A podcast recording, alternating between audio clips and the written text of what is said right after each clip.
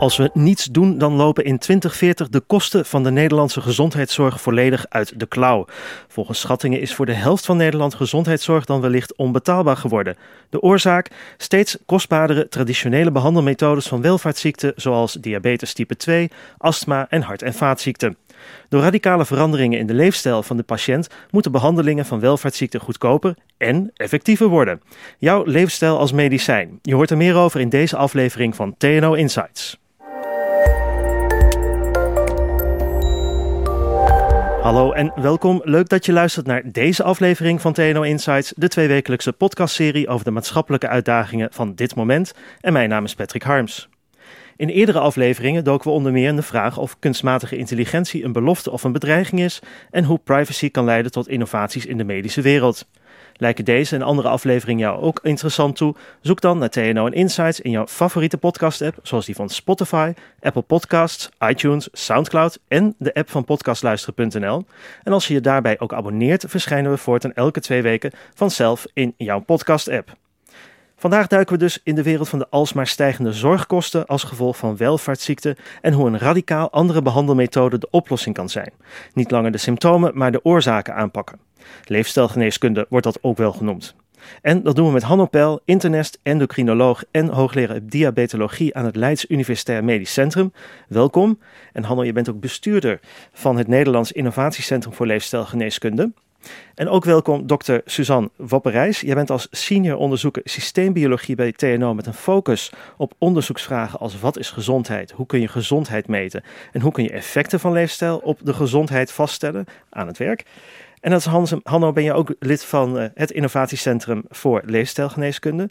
En voordat we verder gaan, Hanno, wat doet eigenlijk een endocrinoloog?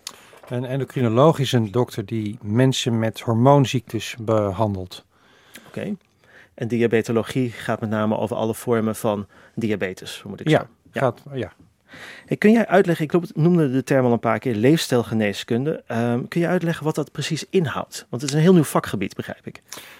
Nou, ik denk eigenlijk dat het helemaal niet zo vreselijk nieuw is. Um, leefstijlgeneeskunde gaat over leefstijl, interventies, aanpassing van leefstijl als middel om uh, ziekte te behandelen. Dus het is um, uh, heel expliciet gaat het over de curatieve gezondheidszorg, dus over het behandelen van ziekte en niet zozeer over preventie. Mm -hmm. Preventie is ook natuurlijk ontzettend belangrijk, maar in de leefstijlgeneeskunde gaat het expliciet over het behandelen van ziekte met uh, uh, door aanpassing van uh, leefgewoontes. En voor welke ziekte is dan deze aanpak geschikt? Is dat voor alle ziekten of een, een, nee. een soort type nee. ziektes? Nee, het, is, het, gaat, uh, het gaat wel over uh, heel veel van de grote ziektes waar we vandaag mee te maken hebben. En dan bedoel ik bijvoorbeeld uh, diabetes als misschien wel prototype van ziekte waar een leefstijlaanpassing heel erg belangrijk is. Maar het gaat ook over hart- en vaatziekten. Het gaat over astma. Het gaat over ontstekingen van de darm. Het gaat over depressie. Het gaat over, zelfs over kanker tot op zekere mm -hmm. hoogte. Hoewel kanker natuurlijk een ziekte is die je, uh, die je met, met, door aanpassing van je leefstijl nooit kan genezen. Maar je kunt wel heel veel verbetering uh, brengen door leefstijlaanpassing bij eigenlijk al deze grote ziektes. Waar, waarom zijn jullie nou van mening dat leefstijl uh, noodzakelijk is als onderdeel van de behandeling van dit soort type ziekten? Omdat leefstijl eigenlijk de, de de basis vormt, de oors, eigenlijk uiteindelijke oorzaak is, in samenhang met uh, onze erfelijke aanleg. Ik zeg wel eens, we, we leven allemaal verkeerd in de samenleving van vandaag en onze genen, onze, onze erfelijke aanleg bepaalt welke ziekte we daarvan krijgen. Mm -hmm. Dus het gaat echt om, om interactie, om uh, samenspraak van, um, van de manier waarop wij ons leven leiden en, uh, en onze, onze genen. En dus, dus als je uh, zo'n ziekte werkelijk wil aanpakken, dan, uh, dan moet je iets doen aan, uh, ja, aan de bron, aan de, aan de manier waarop we leven. En omdat dat genetische component erin zit, is dit een aanpak die zeg maar ruwweg 100 jaar geleden nooit ingezet had kunnen worden? Nou, ik denk uh, zeker dat het uh, 100 jaar geleden uh, ook ingezet had kunnen worden. En dat uh, het zelfs veel langer geleden. En, en daarom, daarom, zeg ik ook net, ik denk dat leefstijlgeneeskunde eigenlijk helemaal niet zo vreselijk nieuw is. Want um, zelfs Hippocrates was een enorm voorstander van het aanpassen van, onze, van de manier van leven bij de aanpak van mm -hmm. ziekte. Um, het punt is dat wij ons zorgmodel is eigenlijk ge, uh, geworteld in de 19e eeuw, of nog, nog eigenlijk nog iets daarvoor. Ja. En is ook duidelijk bedoeld om de ziektes van die tijd te behandelen. En in die tijd hadden we vooral te maken met infecties en met ongelukken. En er waren een heleboel dingen waar we geen flauw idee van hadden um, wat we daarmee moesten. Maar die, zo'n infectie, wat doe je dan? Dan um, wacht je tot je ziek wordt. He, dat kan niet anders. En dan ga je naar de dokter, die schrijft een pil voor en dan gaat de ziekte over. En dat, dat werkte perfect.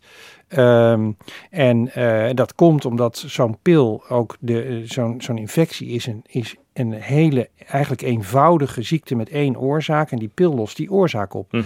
Maar de aard van de ziektelast, de aard van alle ziektes die ik net noem, is zo anders dan die van een infectie. En we hebben ons zorgmodel niet aangepast aan die veranderde uh, ziektes waar we mee te maken hebben. En dat lukt nu niet meer met pillen. Uh, je kan best iets doen. Pillen zijn niet uh, onwerkzaam. Je kan best iets doen met pillen, maar ze gaan nooit de oorzaak van het probleem wegnemen. En daarom vinden wij dat leefstijlgeneeskunde zo ontzettend belangrijk is. Je zegt al, ons uh, zorgstel is eigenlijk gebaseerd op de ziekte van de 19e eeuw. Uh, dan, wat voor pijlers wil jij dan met de leefstijlgeneeskunde gaan aanpassen? Wat heb je daar dan binnen nodig om het succesvol te maken? Nou, ik denk dat er uh, tenminste zeven uh, uh, aspecten zijn van onze manier van leven die van heel groot belang zijn voor de ziektes waar we nu mee te maken hebben. En dan heb ik het over ve te veel stress, chronische stress. We bewegen veel te weinig. We hebben tekorten en slechte kwaliteit slaap. We roken. We hebben, gebruiken alcohol. Uh, er zijn overal toxines om ons heen en we eten te veel van de verkeerde dingen. Ja. En daar moeten we iets mee. Uh, tenminste, met die zeven uh, dingen moeten we iets mee om die ziektes grondig en effectief aan te pakken. Oké. Okay. Hey Suzanne, um, verschilt het eigenlijk niet dan per patiënt wat wel en niet een goede leefstijl is? We hadden al een beetje ook iets over de genetische achtergrond van patiënten.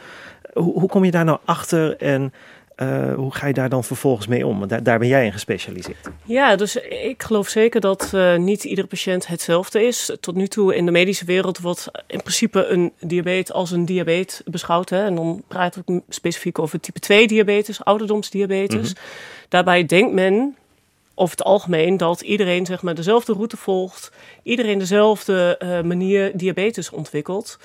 En ik geloof dat dat niet zo is. Uh, we hebben daar ook onderzoek naar gedaan. En uh, uit dat onderzoek is gebleken dat er verschillende oorzaken zijn van diabetes. Dat er subgroepen zijn. En dat die subgroepen dus ook anders reageren op specifieke leefstijlinterventies. Dus, wat voor verschillende oorzaken zijn er dan bijvoorbeeld van diabetes type 2? Ja, dus wij hebben in samenwerking met een Spaanse groep in uh, Cordoba. Uh, zij hebben een heel mooi cohort, Cordioprev, uh, waarbij duizend patiënten met hart- en vaatziekten, maar ook diabetes. Mm -hmm.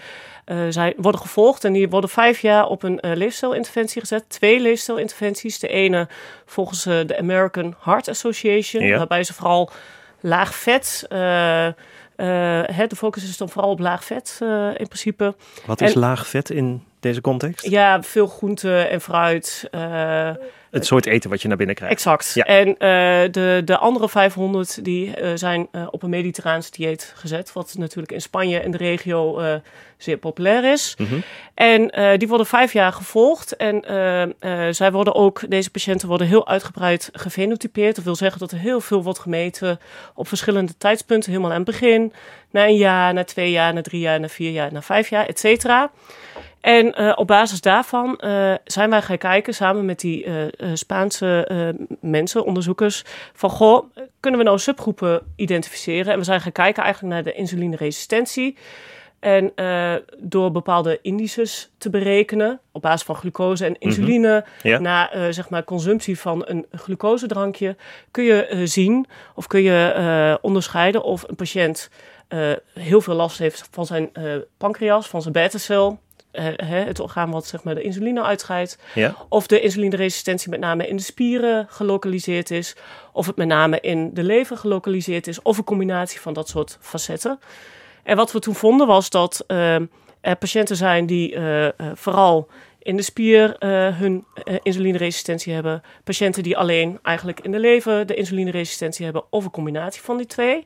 En wat we ook vonden, dat was dan twee jaar nadat ze al op zo'n uh, leefstijlinterventie zaten. Dat die subgroepen dan ook echt anders reageren. Dus de mensen die met name spierinsulineresistentie hadden. Die hadden heel erg veel baat aan het mediterraanse dieet. Mhm. Dus hun pancreas ging beter functioneren door dat mediterraanse dieet. Veel beter dan, dan ten opzichte van de patiënten die een laagvetdieet hadden. De mensen die alleen lever-insulineresistentie hadden, die hadden precies het omgekeerde. Dus die gingen veel beter, hun uh, pancreas ging veel beter functioneren op het laagvetdieet ten opzichte van het mediterraanse dieet. En de patiënten die meer complex fenotype hadden, die um, hadden meer baat bij het mediterraanse dieet, maar niet in dezelfde hoeveelheid als de patiënten die alleen spierinsulineresistentie hebben. Dus dit was een indicatie dat niet alle patiënten hetzelfde zijn, Mhm. maar dat er misschien een andere oorzaak of een andere plek in het lichaam of orgaan zit waar meer het probleem gevestigd is.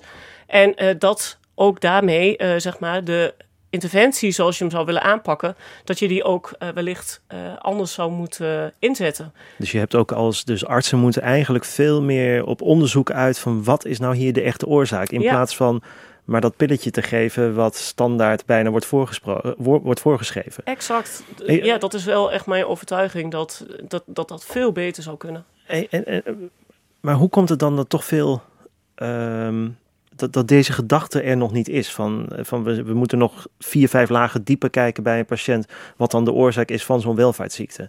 Hoe- Wordt dat niet meegegeven in de opleidingen voldoende? Of hoe, hoe zit dat in elkaar? Hanno? Nou, dat is eh, eigenlijk denk ik eh, vooral omdat het een hele recente ontwikkeling is. Hè. De, er is natuurlijk sprake van voortschrijdend inzicht in de wetenschap. En dit zijn, dit zijn echt nieuwe eh, bevindingen dat er, dat er überhaupt ehm, verschil is in eh, eh, mensen die, die we dan eh, ouderdoms, die ouderdomssuikerziekte hebben. Dat is heel erg nieuw en eh, dat moet zeker in de toekomst. Ik denk dat het een belangrijke ontwikkeling is, ook voor de behandeling en de kliniek van, van suikerziekte. Dus dat moet in de toekomst zeker worden ingebouwd in, ons, eh, in onze behandeling. En Eh, hoe bre- brengen we dat balletje dan aan het rollen dat dit ingebouwd gaat worden in de behandeling? Nou, hoe dat- gaan we dat zorgen daarvoor? Daar zijn we, ik denk dat we daar bijvoorbeeld op dit moment mee bezig zijn. Hè. Het, moet bekend, het moet bekend worden dat, eh, dat niet iedere patiënt eh, met, met type 2 diabetes dezelfde is. En dat is echt, eh, dus pas heel recent wordt dat steeds duidelijker. Mhm. En dus, dus ik, ik vertel daar ook over als ik lezingen geef. En Suzanne doet hetzelfde. En dan zo komt dat langzaamaan in de beroepsgroep en in de opleiding terecht. En dan gaan we er, hoop ik, in de komende jaren steeds meer mee doen. Suzanne, je hebt net een, samen met de mensen in Cordoba een heel groot onderzoek dus uitgevoerd. Eh, maar jullie noemden ook andere ziekten zoals astma, eh, hart- en vaatziekten. Lopen daar ook dit soort vergelijkbare onderzoeken vanuit TNO of vanuit andere organisaties? Eh, op dit moment eh, eh, vanuit ons, hè, TNO en LUMC, eh, zijn er zeker onderzoeken naar hart- en vaatziekten aan de Mhm. gang. Zijn we ook zeer geïnteresseerd. En willen we dat ook dat aspect van, zijn er verschillende biologische oorzaken? Eh, maar ook, eh, hè, hoe kunnen we nou een leefstijl beter inzetten? Zijn er persoonlijke kenmerken bijvoorbeeld, hè, die we daarin mee moeten nemen? Dat willen we zeker gaan inzetten. Op dit moment is onze primaire onderzoeksfocus nog type 2 diabetes, omdat we daar meer in zitten. Maar eh, zeker willen andere ziektes zoals type 2 of uh, hart- en vaatziekten, eh, astma, Parkinson en dergelijke, daar willen we zeker op voortbeduren. Ja. Oké. Hey, Dus er is wel nu langzamerhand wat wetenschappelijk bewijs voor leefstijl en medicijn, maar er is nog veel onderzoek voor nodig. Ja, ja, Ja. zeker. O- op- zeker. en op wat voor termijn hebben we het dan, dat dat onderzoek loopt? Eh, nou, dat heb je, heb je het over jaren. Hè. Elk, elk eh, onderzoek heeft heel veel tijd nodig voordat het antwoorden geeft. En eh, dat is dus echt niet volgend jaar klaar. Dat, daar zijn we, dat moet een heel onderzoeksprogramma worden. En daar zijn we nu met dat eh, eh, Nederlandse eh innovatiecentrum voor leefstijlgeneeskunde... zijn we daar hard voor aan het werk om Mhm. dat ook van de grond te krijgen. Ja, want het punt ook bij uh, het onderzoek is dat uh, het, het, grote onderzoek in dit veld wordt met name eigenlijk door de farmacie, uh, hè, de farmaceuten, wordt dat gesponsord. Mm -hmm. En dat is dus heel erg gefocust ook op medicijnonderzoek en niet ja. zozeer op leefstijl gericht. Leefstijl is ook helemaal niet aantrekkelijk. Want daar kunnen ze niet aan verdienen. Want daar kunnen ze niet aan verdienen, nee. want daar zijn geen patenten op, op te maken. Dus dat is heel lastig. Um, dus wij vinden het ook, wij pleiten er eigenlijk ook voor hè, dat dat heel belangrijk is om dit stuk uh, wel uiteindelijk dat daar onderzoek naar plaatsvindt. Om ook het hele ecosysteem eigenlijk rondom de zorg om die ook de bewijslast te kunnen mm -hmm. uh, uh, geven. Kijk, hier, hier zit echt iets in. En hiermee kunnen we dus de zorg anders aanpakken. We moeten leefstijl als medicijn echt op de kaart zetten. Ja. En dat echt serieus mee gaan nemen. Ja. Dat is heel belangrijk. Ja. Maar, maar als ik dan google op leefstijl als medicijn, dan zie ik al heel snel toch wel adviezen in de hoek van Vermijd industrieel geproduceerde voedingsmiddelen. He, groente en fruit moet je zo vaak mogelijk eten. Twee keer per week de vette vis. Uh, olijfolie gebruiken als dressing. En drink veel uh, water, koffie en thee. En eigenlijk geen uh, frisdrank. Dan denk ik van ja, dat hoor ik ook een beetje mijn trainer in de sportschool tegen mij roepen. Ja. Wat is dan het verschil um, met, die sport, met die trainer in de sportschool en waar jullie voor staan? Nou, kijk, die trainer in de sportschool die is heel duidelijk bezig uh, met, uh, met preventie. Die, die raadt dit aan. En dat is ook, het is ook goed voor, ook voor uh, mensen die niet gezond zijn. Mm -hmm. Wat wij willen is, we willen specifieke adviezen ontwikkelen voor mensen die ziek zijn. En dat verschilt per, per aandoening. De, wat je, de, de adviezen die je nu geeft zijn heel gezond voor mensen met, uh, met uh, type 2 diabetes, maar die zijn overigens ook gezond voor anderen. Mm -hmm. uh, maar wij willen het dus inzetten bij, bij type 2 diabetes. En wat je moet realiseren is dat ehm, ook die trainer in de sportschool, die kan dat roepen naar mensen toe. Maar dan is er ook nog de vraag van, gaan ze het doen? Hè? Dus het is ongelooflijk moeilijk voor mensen om in de maatschappij waarin wij vandaag leven, om hun leefstijl op, een, op de goede manier uh, aan te passen. Daar hebben mensen echt hulp bij nodig. Dus, ja. en, um, en, hoe ga je die hulp dan bieden aan mensen? Ja, we, gaan, we, we zijn er dus we, we heel erg voor dat mensen um, enerzijds... Kijk, ik denk dat er een, een structurele verandering van de zorg moet plaatsvinden. Want zolang mensen uh, bij mij in de spreekkamer komen met het idee van uh, ik, dat de dokter het probleem wel gaat oplossen... Dan, dan strijden we een verloren strijd. Hè? Dus mm -hmm. mensen moeten primair uh, zelf verantwoordelijk worden voor hun aandoening, voor hun gezondheid. Uh, anders lukt het nooit. Hè? Dus mensen, mensen zijn de enigen die, het, uh, uh, die hun leven kunnen aanpassen. Dat kan ik niet voor ze doen. Maar hoe te, ga je dat nou, te, in de hoofd bij mensen? Want mensen denken natuurlijk ja. van ik ga de dokter, het wordt opgelost, want zo, zo zijn we ook opgevoed. Zo zijn we opgevoed. Ja. Zo, dat zit helemaal, helemaal waar. Dat zit helemaal in ons systeem. En daar moeten we dus uit. Dat betekent niet dat je mensen vervolgens het bos instuurt van nou los het zelf maar op. Want mm -hmm. we weten tegelijkertijd hè, hoe ongelooflijk moeilijk het is om, uh, om, om je gedrag uh, zodanig aan te passen dat het eigenlijk ingaat tegen wat de maatschappij ons voortdurend voorschotelt. En uh, daar hebben mensen dus begeleiding voor nodig. En die begeleiding, dat moet een structureel onderdeel worden via gezondheidscoaches, vitaliteitscoaches mm -hmm. of health coaches, hoe je het wil noemen. Moeten mensen echt geholpen worden om de goede dingen te gaan doen. En daarnaast denk ik dat ook heel belangrijk wordt dat mensen geïnformeerd zijn over A, over wat hun eigen ziekte uh, nou eigenlijk is. En B, hoe hun uh, gezondheidstoestand is. Dus we, moeten, we zullen te maken krijgen met heel veel wat we noemen e-health tools. Dus mensen gaan bij zichzelf meten hoe het, nou, hoe het eigenlijk met ze is. Hun bloedglucose gaan ze meten, hun bloeddruk wordt gemeten, hun uh, stressniveau uh, gaan, ze, gaan ze meten zelf. En dan, mm -hmm. zodat zij ook van, van bij wijze van spreken minuut tot minuut geïnformeerd zijn over hun eigen gezondheidstoestand. Het zijn allemaal belangrijke uh, tools die we gaan, denk ik, gaan gebruiken in de gezondheidszorg van de toekomst. Ik, ik, hoor je wel een aantal. Ik hoor iets van weerstand aan de achtergrond uh, bij, bij, patiënten, maar ook bij artsen. Wat voor weerstanden zie je nog meer, Suzanne? Ja, het is, het is wel lastig, want ja, er is een heel ecosysteem die moet worden uh, veranderd. Uh, alleen al de financiële vergoeding zeg maar, hè, van, van de Mhm. patiënt. nu is het zo dat eigenlijk, het wordt heel erg op de korte termijn wordt die vergoeding gedaan. Een pilletje is veel goedkoper dan een, eerst een uitgebreide diagnose en dan op basis daarvan een leefstijlaanpassing en dan goede begeleiding daarbij. Dan moet je Mhm. dus aan het begin veel meer investeren. En zorgverzekeraars weten nog niet op de lange termijn wat het oplevert. Dus er is nog geen vergoeding voor patiënten die eigenlijk hun leefstijl zouden willen aanpassen. Dus uh, ja, dat, dat soort zaken, zeg maar, uh, ja, moeten we allemaal aanpakken en veranderen, zeg maar, om dat, om, om, om dat voor elkaar te gaan krijgen. Ik hoor je zorgverzekeraars noemen. We hebben al patiënten, we hebben al artsen. Wie moet er nog meer in beweging komen? Nou ja, om dit, dit, allerlei dit succesvol te maken? denk ik. Hè? Want we, we, moeten een heel ecosysteem vormen. Er moeten toch nieuwe businessmodellen of nieuwe bedrijvigheid ontstaan, zeg maar, rondom leefstijlgeneeskunde. Mm -hmm. uh, partijen die uh, uh, ja, iets kunnen aanbieden, een, een leefstijloplossing kunnen aanbieden en daar ook aan kunnen verdienen, want anders werkt het niet. Dus ook dat moeten we meenemen. De patiënten zelf moeten natuurlijk graag willen, moeten opgeleid worden. Er moet opleiding komen voor artsen, voor mensen in de zorg, diëtisten, verpleegkundigen, mm -hmm. et cetera. Uh, ja, dus we moeten wel uh, flink aan de bak nog. Ja. Maar en, ik- en op wat voor manier moeten... Sorry. eh, Nou, ik, ik, wil, ik wil, als ik daar nog iets aan mag toevoegen. Ik denk dat de overheid ook wel degelijk een, Ja. een rol heeft. Hè? Want ehm, ik denk dat, het, ehm, dat, dat als wij niet iets doen aan, de, eh, aan onze samenleving, dat het een, voor de zorg een ongelooflijk moeilijke eh, strijd is om, om die te winnen van Mhm. die chronische eh, ziektes. We moeten de, en, en daar heeft de overheid dus denk ik een belangrijke rol in het, in het, in het reguleren van de, eh, van, van, onze, van de context van onze samenleving.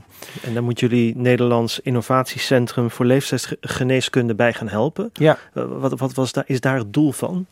Nou ja, het, het doel is dus uiteindelijk van ons, van ons centrum is om eh, mensen gezonder te maken. Mhm. Ehm, en, ehm, en dat willen we dus doen in samenwerking met, eh, met de overheid, met het bedrijfsleven, met eh, kennisinstellingen, met patiënten, ehm, eh, met patiëntenplatforms.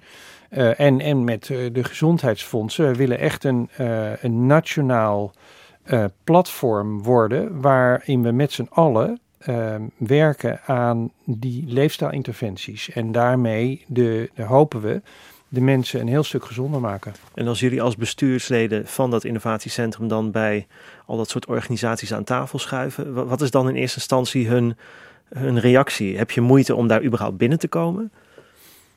Nou, dat valt, valt reuze mee. Ja. Ja, dat valt reuze mee. Er is duidelijk een wind Ja. in Nederland. Er waait een wind die. eh, we hebben de wind in de rug, zullen we maar zeggen. Dus er, er is een heel duidelijk besef bij heel veel organisaties, eh, ook bij steeds meer bij ziektekostenverzekeraars, Ja. van dat zo gaat het niet eh, langer. En over, over 20 jaar is de zorg volstrekt, volstrekt onbetaalbaar geworden. Het is nu al een enorm probleem. Mhm. Maar als het zo doorgaat, als we de getallen van het CBS eh, eh, mogen geloven, dan is het, eh, of moeten geloven, is het over 20 jaar echt volstrekt onbetaalbaar. Dus, dus er zijn, ook de overheid begint steeds meer te zien dat er iets moet gebeuren. En, en heel veel mensen zien in leefstijlgeneeskunde wel een oplossingsrichting. Dus we, we hebben wat dat betreft, hebben we echt wel ehm, steun. Eh, het blijkt wel dat jullie de wind mee hebben, want eh, een manifest wat jullie hebben geschreven over leefstijlgeneeskunde is door ruim 2000 eh, professionals ondertekend. Eh, waartoe riep dat manifest op en waarom was het zo nodig dat dat er moest komen? Dat manifest dat hebben we eigenlijk geschreven met de intentie om duidelijk te maken dat leefstijlinterventies in de zorg wat ons betreft dus heel, heel erg belangrijk zi- zijn, maar dat de, eh, het onderzoek dat op dit gebied gebeurt in Nederland nog minimaal is, omdat, omdat het, eh, het onderzoek heel duidelijk ehm, ook economisch gedreven is. Heel veel wordt door de farmaceutische industrie gesponsord. De farmaceutische industrie is natuurlijk niet geïnteresseerd in leefstijlinterventies, omdat ze er geen geld aan kunnen verdienen. Dus er, moet, ehm, er, er moest wat ons betreft een onderzoeksagenda komen voor ehm, leefstijlgeneeskunde. En hoe werd op dat manifest dan gereageerd? Dat, in dat manifest, daar, is eh, massaal positief op gereageerd. Daar hebben ehm, meer dan 2000, meer dan, nou inmiddels meer dan, ik denk al meer dan 5000 ehm, organisaties en individuen hebben, daar, hebben dat manifest ondertekend. En, uh, en dat, dat uh, gaat dus over de, de KNMG, de Koninklijke Nederlandse Maatschappij voor Geneeskunde, de Vereniging van Internisten, van gynaecologen, van psychiaters, van nou, heel veel medische organisaties hebben zich daar achter geschaard. We hebben dat manifest uiteindelijk aangeboden aan de minister. En, en in reactie op dat manifest zijn ook uh, Kamervragen gesteld. En uh, is er vanuit de Kamer. Wat, wat, was de teneur van de Kamervragen? De Kamervragen die hebben aan de, aan de minister gevraagd waarom hier geen onderzoeksagenda voor is. En daar heeft de minister op gereageerd door te zeggen dat die er moest komen. En uh, hij heeft ook in eerste instantie voor uh, dit jaar een miljoen euro daarvoor ter beschikking gesteld. Um, dus we hebben eigenlijk wel bereikt wat we wilden bereiken. Hoewel dat miljoen euro natuurlijk een druppel op een gloeiende mm plaat is. Maar we waren heel blij met de reacties op het, uh, op het manifest. Ja, en wat zijn het dat? sterke was ook, vond ik, uh, hè, toen Bruno uh, Bruins het in ontvangst nam, zei hij ook, omdat het zo goed massaal ondersteund was, vond hij het ook echt een roep vanuit de maatschappij, vanuit de zorg Nederland dat er dus ook zoiets zou moeten komen als leefstijlgeneeskunde. Dus het, ja. juist omdat het zo breed ondersteund werd, uh, was dat voor hem ook echt een opening om, om verder uh, hierover door te praten. En, en, wat zijn voor jullie vanuit jullie innovatiecentrum dan de vervolgstappen nu? Je hebt, er is nu een miljoen. Is dat aan jullie toegekend of is dat gewoon breed en mag iedereen zich daarop inschrijven? Wat, zijn de, wat is het vervolg nu? Ja, dus dat miljoen is inderdaad niet aan ons toegekend, maar um, is aan, dat is aan ZonMW. Uh, dus mm dat is van de, de NWO om, uh, om te verdelen. Een onderzoeksgeldverdeler. Ja, ja, precies. Dat is de onderzoeksgeldverdeler. Um, maar wat wij dus graag willen is dat dat, dat geld niet, um, laten we zeggen, helemaal vers, vers, versplinterd wordt over allerlei kleine onderzoekjes die allemaal onafhankelijk van elkaar gebeuren in Nederland. Maar wij proberen dus met ons innovatiecentrum, proberen we juist mensen bij elkaar te brengen om dat samen te doen om, um, om, om een, een, eh, krachtiger vuist te maken. Want je kunt, als je allemaal apart weer dingen gaat, gaat ondernemen, dan uh, gebeurt er heel veel dubbel en uh, langs elkaar heen. En dat werkt uiteindelijk mi minder goed dan als je het met elkaar doet. Dus dat is een belangrijk, dat is eigenlijk het belangrijkste doel van ons uh, centrum. Om mensen bij elkaar te brengen. Ja. Dus mensen die dit horen, neem vooral met Hanno of Suzanne contact op als jij uh, plannen hebt om onderzoek in deze richting te doen. Ja, heel ja. graag. Uh, Suzanne, er is dus nu meer en meer aandacht voor leefstijlgeneeskunde. Uh, de politiek uh, stelt zelfs geld ervoor beschikbaar. Op wat voor termijn verwacht jij nou dat, dat dit gewoon een standaard onderdeel van een behandelmethode voor verschillende welvaartsziekten gaat zijn? Nou ja, als missie van ons Nederlands Innovatiecentrum Leefstijlgeneeskunde hebben we eigenlijk gezegd, nou binnen tien jaar willen we in principe 50% van de last, economische last en uh, sociale last uh, van uh, welvaartsziekten, zoals type 2 diabetes, met 50% hebben gereduceerd. Dus wij hopen eigenlijk, en wij streven er wel naar binnen 10 jaar, echt forse stappen te hebben gezet. Dus dat betekent dat artsen binnenkort bijschoolcursussen van, via jullie innovatiecentrum moeten gaan krijgen. Ja, dat. En, en dat er meer onderzoek gaat komen en dat we ook uh, echt gaan implementeren. Dus niet alleen maar onderzoek doen om het onderzoek te doen, maar vooral ook hoe gaan we nou de resultaten van dat onderzoek implementeren om daaruit weer. Uh, uh, ja, verder stapjes te kunnen gaan zetten, zodat het echt standaard care als het ware wordt. ja. ja. Nou, ik denk dat het belangrijk is ook nog om te melden dat um, er nu ook, er komt een nieuw, uh, wat we noemen raamplan voor de opleiding van dokters, de basisopleiding van dokters. Ja. En daar um, is ook veel, bij die raamplancommissie is ook veel belangstelling voor leefstijlgeneeskunde. Dus het zou mij niks verbazen als leefstijlgeneeskunde al snel een integraal onderdeel wordt van de, uh, van de basisopleiding voor dokters. We zetten dus langzaam stapjes vooruit waarbij leefstijlgeneeskunde dus de belangrijkste behandelmethode moet gaan worden. Mm. Suzanne en Hanno, dankjewel voor dit gesprek. En ik denk dat we kunnen concluderen dat er op dit moment heel veel aandacht is voor leefstijlgeneeskunde en de mogelijkheden die dat biedt. En wil je als luisteraar nou meer weten over dit onderwerp? Ga dan naar tno.nl, klik in het menu op Insights en vervolgens op de afleveringspagina van deze podcast. Daar vind je onder meer informatie over het Nederlands Innovatiecentrum voor Leefstijlgeneeskunde en ook over hoe je in contact kunt komen met Hanno en Suzanne.